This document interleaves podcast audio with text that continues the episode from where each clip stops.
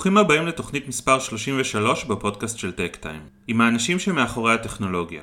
אני יוחאי שוויגר. האורח שלי בתוכנית היום הוא אלכסיי שלימוב, מייסד ומנכ"ל חברת Eastern Peak, שמספקת שירותי פיתוח חומרה ותוכנה לחברות סטארט-אפ וחברות מסחריות. הסיפור מאחורי Eastern Peak מתחיל למעשה בתפקיד הקודם של אלכסיי, בחברת גט, עוד כשהייתה חברת סטארט-אפ בשם גט טקסי, זוכרים? אלכסיי היה המנכ"ל הראשון של החברה בתקופה הקריטית של השקת המוצר לאוויר. אלכסיי נתקל בקושי שחברות סטארט-אפ ישראליות רבות נתקלות בו. גיוס מפתחים בכירים שיובילו את תהליך הפיתוח והיציאה לשוק של המוצר. דווקא ככל שההייטק הישראלי הולך וצומח, וככל שעוד ועוד חברות בינלאומיות פותחות כאן מרכזי פיתוח בתנאים מפליגים, כך גדל הקושי של חברות סטארט-אפ לגייס מפתחים טובים בתחילת הדרך. מה שעשוי לפגוע בתהליך הצמיחה שלהם. אז מהיכן משיגה איסטרן פיק את מאגר המפתחים הגדול שהיא מעמידה לרשות לקוחותיה? מאוקראינה. החברה פועלת במודל אוף-שור, כלומר מספקת לחברות ישראליות שירותי פיתוח באמצעות מפתחים זרים מאוקראינה. אם בישראל יש מחסור במפתחים בשל ריבוי חברות טכנולוגיה, הרי שבאוקראינה יש עודף במפתחים בשל מיעוט בחברות טכנולוגיה מקומיות. כפי שמספר אלכסיי, באוקראינה יש אוניברסיטאות מאוד טובות בתחומי הנדסה, מתמטיקה, מדעי המחשב, אלקטרוניקה, שמכשירות אנשי מקצוע מעולים, אך כשהם מסיימים את לימודיהם, הם למעשה יוצאים לשוק מקומי שבו כמעט ואין להם הזדמנויות לממש את כישוריהם. המודל של איסטרן פיק יוצר למעשה משוואה של ווין ווין, שבה החברות הישראליות יכולות ליהנות מכישוריהם של המפתחים האוקראינים, והמפתחים האוקראינים יכולים להתפתח מקצועית, לרכוש ניסיון ולממש את עצמם בחברות טכנולוגיה ישראליות. בשיחה מספר אלכסיי על הקושי המתסכל שבגיוס מפתחים בישראל, על הקשר שנוצר גם מרחוק בין המפתח האוקראיני לבין חברת הסטארט-אפ הישראלית, וגם על הטרנספורמציה הדיגיטלית שעברו רבים מלקוחות החברה בתקופת הקורונה. שתהיה האזנה נעימה. שלום אלכסיי ותודה רבה שהסכמת להשתתף בפודקאסט שלנו. אתה המנכ"ל של חברת איסטרן פיק שמספקת אה, שירותי תכנות ללקוחות, תכנות ופיתוח ללקוחות בארץ ובעולם. אה, אני אשמח קודם כל אם תוכל קצת אה, בכמה מילים גם להציג את עצמך וגם להציג קצת את החברה ואז אנחנו נעבור לנושאים שלשמם התכנסנו פה. יש לכם מודל פעילות מעניין וגם אני רוצה לשמוע מה עובר עליכם בקורונה ואיך אתה תופס את הקורונה, אבל קודם כל בואו קצת תציג את עצמך ואת איסטרן פיק. אז ככה אני, תראה, אני בא מרקע טכנולוגי, בזמנו עבדתי הרבה עם סטארט-אפים, ניהלתי סטארט-אפים, אפילו אה, הייתי מנכ"ל אה, הראשון של גט, אה, ולמעשה הייתי אחראי על השקה גם בארץ, גם בלונדון, גם, גם במוסקבה, mm-hmm. וגם גם הרבה סטארט-אפים אחרים, ואז שניהלתי ראיתי שבמיוחד גם בארץ וגם בארצות הברית, שמתי לב שיש בעיה רצינית בזמינות של אה, מתכנתים ברמה של סיניור, ברמה של מתכנתים אה, בכירים. אה, וגם זה, זה, זה בעיה רצינית, כי כשאתה מקים צוות, במיוחד אתה רוצה, במקרים מסוימים אתה רוצה להקים צוות של צוותים של אנשים בכירים, האנשים הכי טובים, כי למעשה אלה האנשים שבונים את, המוצר שלך, את, את, את הפלטפורמה, את, את, למעשה את הבסיס להצלחה של החברה. אה, והיום בארץ וגם בעולם, גם באירופה, גם בארצות הברית, יש אה, מחסור באנשים אנשים איכותיים. אה, אמנם בארץ יש המון מתכנתים מעולים, אבל עדיין יש עוד יותר דרישה ועוד בחברות סטארט-אפים שמצליחים לגייס המון כספים ולא מצליחים לגייס צוותי פיתוח. כן. במיוחד לוקח להם המון זמן. ואז אה, ראיתי את הבעיה, ובמיוחד שאז אה, שניהלתי את גט אה, ואת הצוות הראשון שלי. זה בעיה, זה בעיה שהיא חמורה יותר בקרב סטארט-אפים או בקרב חברות גדולות יותר? לדעתי סטארט-אפים זה עוד הרבה, הרבה יותר חמור, כי תחשוב, אתה סטארט-אפ צעיר, הצלחת לגייס את ההשקעה, אבל לא מכירים אותך בשוק, ואומנם עם כל ה... ויש לך רעיון יפה והכל, אבל אה, שבשוק שאתה מנסה לגייס אנשים, אתה מתחרה מול, מול כל החברות הגדולות, אה, נגיד בארץ יש את מרכזי פיתוח של כל החברות הגדולות כמו מייקרוסופט וסיסקו וכולי.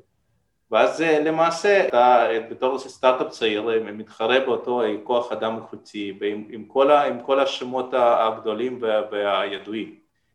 אמזון לדוגמה, הגיעו לארץ ולגייס אנשים למרכז פיתוח והתחילו ישר עם 60 אלף משכורת מינימום למתכנת. אתה מבין, אפילו שאם גייסת כסף, אז גם קשה לך להתחרות בסכומים כאלה וגם עוד יותר קשה פשוט שאנשים בכלל יבואו אליך כי הם מעדיפים לבוא לאמזון ולמייקרוסופט שכבר זה גם מעבר לכסף הם מקבלים את האופציות וגם הם מקבלים שם בקורות החיים. אתה, אתה ממש ראית סטארט-אפים שנתקעים? זה לא ש... זה כמעט כל סטארט-אפ, זה בעיה של כל סטארט-אפ ש... ש... שיש היום, ש... הם, הם הרבה יותר קל להם לגייס השקעה מאשר לגייס את, את צוות הפיתוח. זאת אומרת, זו בעיה שכל סטארט-אפ נתקל, זה, אני לא מכיר סטארט-אפים שלא, שלא נתקלים בבעיה הזאת ו, ולא חווים את הבעיה הזאת כל הזמן. והיום אני אגיד לך דוגמה, היום לגייס מתכנת בכיר לוקח שלושה ארבעה חודשים, וזה גם במקרה טוב שאתה מצליח, לא, לא כל סטארט-אפ גם מצליח בזה, אבל שלושה ארבעה חודשים לגייס, לגייס משרה אחת, תשמע, זה, זה בעיה רצינית. כן. חוויתי את הבעיה הזאת שאז גרתי בארצות הברית והקמנו את הצוות הפיתוח הראשוני של גט בארצות הברית. ותשמע, בשלב מסוים, עם כל הכבוד שהצלחנו להרים את המוצר, את הגרסה הראשונה והכל, היה קשה, קשה לצמוח, קשה לגייס אנשים חדשים, בגלל זה התחלתי לבדוק דברים אחרים, ותשמע, אני, יצא, יצא לי לעבוד עם outsource לפני, ולכן חיפשתי כל מיני, גם, גם אוקראינה, גם רוסיה, גם ארגנטינה, גם הודו, אז בחנתי את כל האופציות האלה, בסוף הגעתי לאוקראינה כשילוב... רגע, עכשיו אתה מדבר על עבודתך בגט או על ההקמה של חברה שמספקת שירותי outsourcing? זה למעשה, זה מתחבר אחד לשני, כי למעשה Eastern Peak הוקמה על בסיס הצוות, צוות הפיתוח המקורי של גט. אוקיי. Okay. בהתחלה אנחנו הקמנו את זה כפיתוח פיתוח של אוף שור של, של גט וזה באמת הצליח מאוד, הצלח, הצלחנו לגייס כוח אנשים איכותיים מאוד. למעשה אחרי זה שעזבתי את גט אז חלק ניכר מהאנשים האלה, זה ככה הקמנו את איסטרן פיק, זה אמנם אנחנו המשכנו עם גט והכל ועד היום לקוח שלנו, אבל זה היה, זה היה הבסיס. אוקיי? היום אנחנו מעל 200 מהנדסים, אבל במקור זה היה צוות יחסית קטן שזה זה הצוות המקורי של, של פיתוח של אז דיברת על זה שבחנת כל מיני אופציות למודלים של אופשור, אופשור הכוונה היא להסתייע בכוח עבודה מחוץ למדינה, כוח עבודה במדינה אחרת. אז תספר קצת על התהליך, מה, מה בחנת ואיך הגעת לאן שהגעת. כן, תראה, אם, אם, אם אתה מקים צוות שהוא יחסית קטן, נגיד פחות מ-60-50 איש, אז אין, אין היגיון בלפתוח משרד משלך. זה גם, זה גם קשה וגם יקר יותר אם אתה עושה את זה לבד, אז עדיף לעבוד עם הספק שעובד עם המדינה הזאת. אז לכן בחנתי כל מיני ספקים מכל מיני מדינות. ומבחינת השילוב של גם עלות, גם זמינות של האנשים, גם האיכות של האנשים, אז אוקראינה למעשה יש שם גם מבחינת ישראל, זאת אומרת גם אוקראינה היא קרובה מאוד לישראל וגם מבחינת שיש, מכיוון שיש בארץ המון דוברי רוסית אז ככה החיבור הזה הוא קל, הרבה יותר קל וכמובן שהמהנדסים באוקראינה יש להם גם, גם אנגלית טובה, השילוב הזה של, של גם הזמינות של האנשים, גם אנשים ברמה מאוד טובה, רמה, אנשים מאוד איכותיים, גם העלות וגם הקרבה לישראל. כל זה, אוקראינה היא למעשה מקום אולטימטיבי להקים צוות. רגע, ספר קצת על ה... איך נוצרים באוקראינה מהנדסים איכותיים, אנחנו כאילו... מכירים את ההון האנושי של, של ברית המועצות עוד בתקופת ברית המועצות, אבל אנחנו מדברים על עידן, אנחנו מדברים כבר על 30 שנה ש, שאוקראינה היא מדינה עצמאית, אז איך, תספר קצת על אוקראינה ואיך, ועל המהנדס, ועל המתכנת והמהנדס האוקראיני. תראה, אתה, באמת אתה צודק, אה, זה במקור זה בא משם, זה בא מברית המועצות לשעבר והבסיס אה, שיצרו שם אה, עוד לפני 30-40 שנה, זה הבסיס הזה, הבסיס של, הוא נשמר עד היום, יש, יש המון אוניברסיטאות ברמה מאוד גבוהה, שאגב המון, המון אנשים מכל העולם באים ללמוד לאוקראינה, אם אתה היום לוקח מטוס, טס לחרקוב, איפה שאנחנו יושבים, אתה תראה שהמון גם, אה, גם אה, ערבים מכל מיני מדינות מסביב לישראל, גם ערבים ישראלים, הם אוהבים לבוא לאוקראינה ללמוד. אה, יש שם לימודים גם... באנגלית? יש שם, יש שם לימודים בעיקר, רוב, זה, זה לא באנגלית, אבל הם, הם, לומדים, הם לומדים את השפה, הם לומדים, okay. אוקיי. את, הם לומדים רוסית ואוקראינית. Okay. אוקיי. אמנם יש גם, גם חלק מהלימודים הם באנגלית, אבל חלק קטן יחסית, אז הם צריכים ללמוד את השפה. אבל חוץ מזה גם הרמה של הלימודים היא רמה מאוד גבוהה, אז לכן אה, אה, הרבה אנשים, כבר כמה דורות של אנשים שאנחנו מכירים שם אפילו המון ערבים שכבר גרים שם, שגם אה. אצלנו בחברה מן הסתם יש הרבה חבר'ה שהם, שהם גם כן הם, הם ערבים, אז הם כבר כמה דורות שגם אבא שלהם הגיע לאוקראינה והתחתן שם, הגיעו ללמוד והתחתנו וגם הם, אה, זה כבר דור שני שלישי שם, אתה מבין? מעניין. אה, אז זה, אבל באים מאותה סיבה, באים שרמת הלימודים היא מאוד גבוהה, ובגלל זה יש, יש גם ההון האנושי, האיכות של האנשים שם מאוד גבוהה, במיוחד כל הנושא הטכנולוגי, גם אה, הנדסת תוכנה, גם הנדסת אלקטרוניקה, המהנדסים שם הם מאוד איכותיים, וחברות מכל העולם באים לגייס את האנשים שם. על פניו, כשיש הון אנושי איכותי, אמורה גם לצמוח איזשהו, איזשהו ecosystem מקומי, איזה ש... חברות סטארט-אפ, חברות טכנולוגיות, זה, זה קיים באוקראינה, או שבעצם אנחנו מדברים על אנשים עם כישורים מאוד גבוהים שאין להם כל כך איך לממש את הפוטנציאל הזה בשוק המקומי? בדיוק, זה בדיוק המצב שנוצר, מכיוון שעכשיו סטארט-אפ זה, זה לאו דווקא טכנולוגיה, סטארט-אפ זה דבר ראשון זה עסק אוקיי? בשביל להקים אה, אה, אה, עסקים מוצלחים אתה צריך בעיקרון שני דברים. א', זה הידע והיכולת של אנשי עסקים באותה מדינה להקים עסק שידע למכור לכל העולם, כן? ושנית זה כל הנושא של הרגולציה ויכולת של המדינה גם לאפשר לעסק לצמוח. ואלה שני הדברים שחסרים באוקראינה.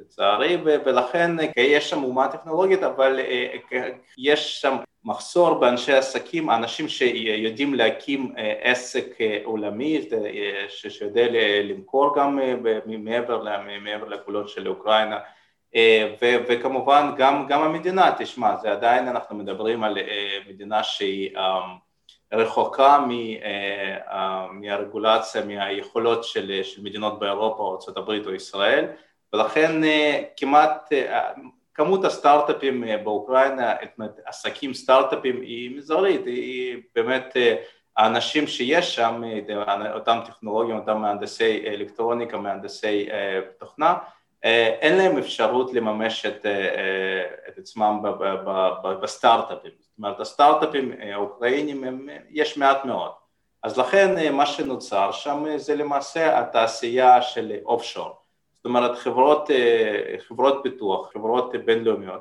שמשתמשות בכוח כוח אה, עבודה, כוח, כוח אדם הזה שהוא איכותי והוא אה, זמין והוא יחסית זול לעומת מקומות אחרים ולתת את השירות הזה לחברות באירופה, בארץ, בארצות הברית. אוקיי. Okay. אתה יכול להסביר קצת איך זה עובד בפועל? אם אני סטארט-אפ שזקוק לכמה מתכנתים ואתה מספק לי את המתכנתים האלה, מי, מי מנהל את המתכנתים האלה, אני או אתה? אז זהו, אז אה, בעיקרון יש, יש כמה מודלים. אה, יש סטארט-אפ שמה שמעניין אותו זה תוצר, זה פחות מעניין אותם לנהל את האנשים בפועל, אוקיי? אז במקרה כזה אנחנו מקימים צוות ומנהלי אה, מוצר, מנהלי פרויקטים שלנו, שאגב אנחנו מחזיקים גם צוות אה, גדול של מנהלי פרויקטים, מנהלי מוצר ישראלים מהשורה הראשונה, אה, הם, הם למעשה מנהלים הכל, את הכל מאלף עד תו, גם להקים את הצוות, גם לנהל את הצוות, גם לפתח את המוצר, מהאפיון, עיצוב גרפי, פיתוח, תמיכה טכנית לאחר פיתוח וככה אנחנו עובדים עם הרבה חברות בארץ. מצד שני יש חברות שרוצות לעשות את זה לבד, הם, הם, החברות האלה כבר יש להם צוותי פיתוח משלהם ומה שחסר להם אותם, אותו כוח אדם והם רוצים ממש להקים צוות ולשלב את האנשים האלה לתוך הצוותים הקיימים, אוקיי? אז במקרה כזה אנחנו, אנחנו מקבלים מהחברות האלה הגדרות של משרה ולפי אותן הגדרות אנחנו מקימים צוות, אוקיי? והאנשים האלה שאנחנו יודעים באמת עם היכולת שלנו לגייס את הכי טובים בשוק המקומי ואנחנו מקימים את הצוותים האלה, כמובן הצוותים האלה אנחנו נותנים את כל התנאים, את כל ביטוחי בריאות וכולי וכולי וכולי, כל מה שצריך מסביב, אבל בפועל הניהול הישיר, הניהול היומיומי הוא מתבצע על ידי הלקוח ביום יום. האנשים האלה הם באמת לוקחים חלק בדיילי סטנדאפס ומתנהלים כמו אנשי צוות בבית של הלקוח. ונוצר הקשר הזה? כי חברת סטארט-אפ, אתה יודע, יש לה אתוס כזה קצת משפחתי ושל קבוצה מצומצמת ושהולכים לכבוש את העולם והיצירתיות והזה, נוצר, נוצר החיבור הזה? בהחלט, אנחנו גם מאוד דואגים שהחיבור הזה ייווצר, הרי אנחנו בהרבה מקרים גם הלקוחות היו באים אלינו למשרדים וגם היו מטיסים את הצוותים לישראל כי תשמע היום זה שלוש שעות טיסה זה כלום, זה גרושים מבחינת כרטיס טיסה אז הכל אפשרי ואנחנו כמובן בתוך המשרדים שלנו שמים את הבאנרים והחולצות של הלקוח והכל, כך שאנשים, והלינקדאין, הכל הכל הכל, זאת אומרת כך שבאמת האנשים המתכנתים באמת מרגישים, מרגישים חלק מהצוות, מהצוות של הלקוח לכל, לכל דבר בעניין. קצת ספר לנו גם קצת מה עבר על החברה בתקופת הקורונה ואיך כזה, מה, מה בתור, בתור חברה שמשתתפת בהמון סוגים של פרויקטים, אז קצת ספר לנו מה, מה עבר על הלקוחות שלכם בתקופת הקורונה. כבר לפחות כעשור ויותר מזה נוצר תהליך של digital transformation. מה זה אומר? שאתה יודע, חברות שיש להן מודל עסקי יחסית ישן שהוא כזה אופלייני, הם, הם הבינו שלמעשה יש פה הזדמנות נדירה, הזדמנות מדהימה של, של האינטרנט. אתה עוד מדבר לפני הקורונה. כן, בדיוק, אני, זה בדיוק אמרת מה, איך הקורונה, איזה כן. תהליכים עם ההיצע, אז זה בדיוק אני מדבר איתך על digital transformation, שעוד כן. לפני הקורונה כבר הרבה עסקים הבינו שיש פה הזדמנות עם כל הנושא של אינטרנט ו digital והכל, ושאפשר לנצל ולשנות את המודל העסקי.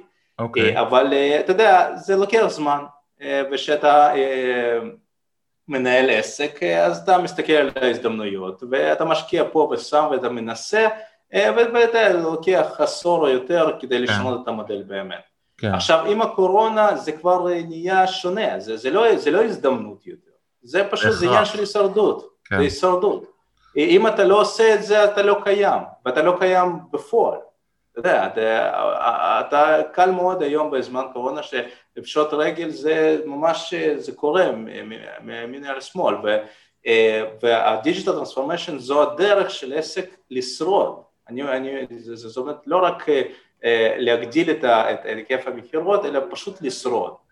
ואז מה שהיה קורה, מה שהיה לוקח סדר גודל של עשור או יותר, ממש כל ה digital transformation, פתאום קרה בחצי שנה פתאום כל העסקים כל אותם עסקים הבינו שיש פה צורך מיידי שצריך לממש אותו, כי אחרת אין פה עסק. המון לקוחות שבאים אלינו שאנחנו, באמת יש לנו את כל הידע והיכולת לעזור עם digital transformation מהרמה של ממש עזרה ולשנות את המודל העסקי עד לאפיון של, ה, של, של כל המוצר הכולל, כל הפלטפורמה שצריך לפתח וגם המימוש המלא, כל האימפלמנטציה של אותו אפיון ותמיכה טכנית, זאת אומרת אנחנו יכולים לתת את, את התמיכה הזאת מאלף עד תו.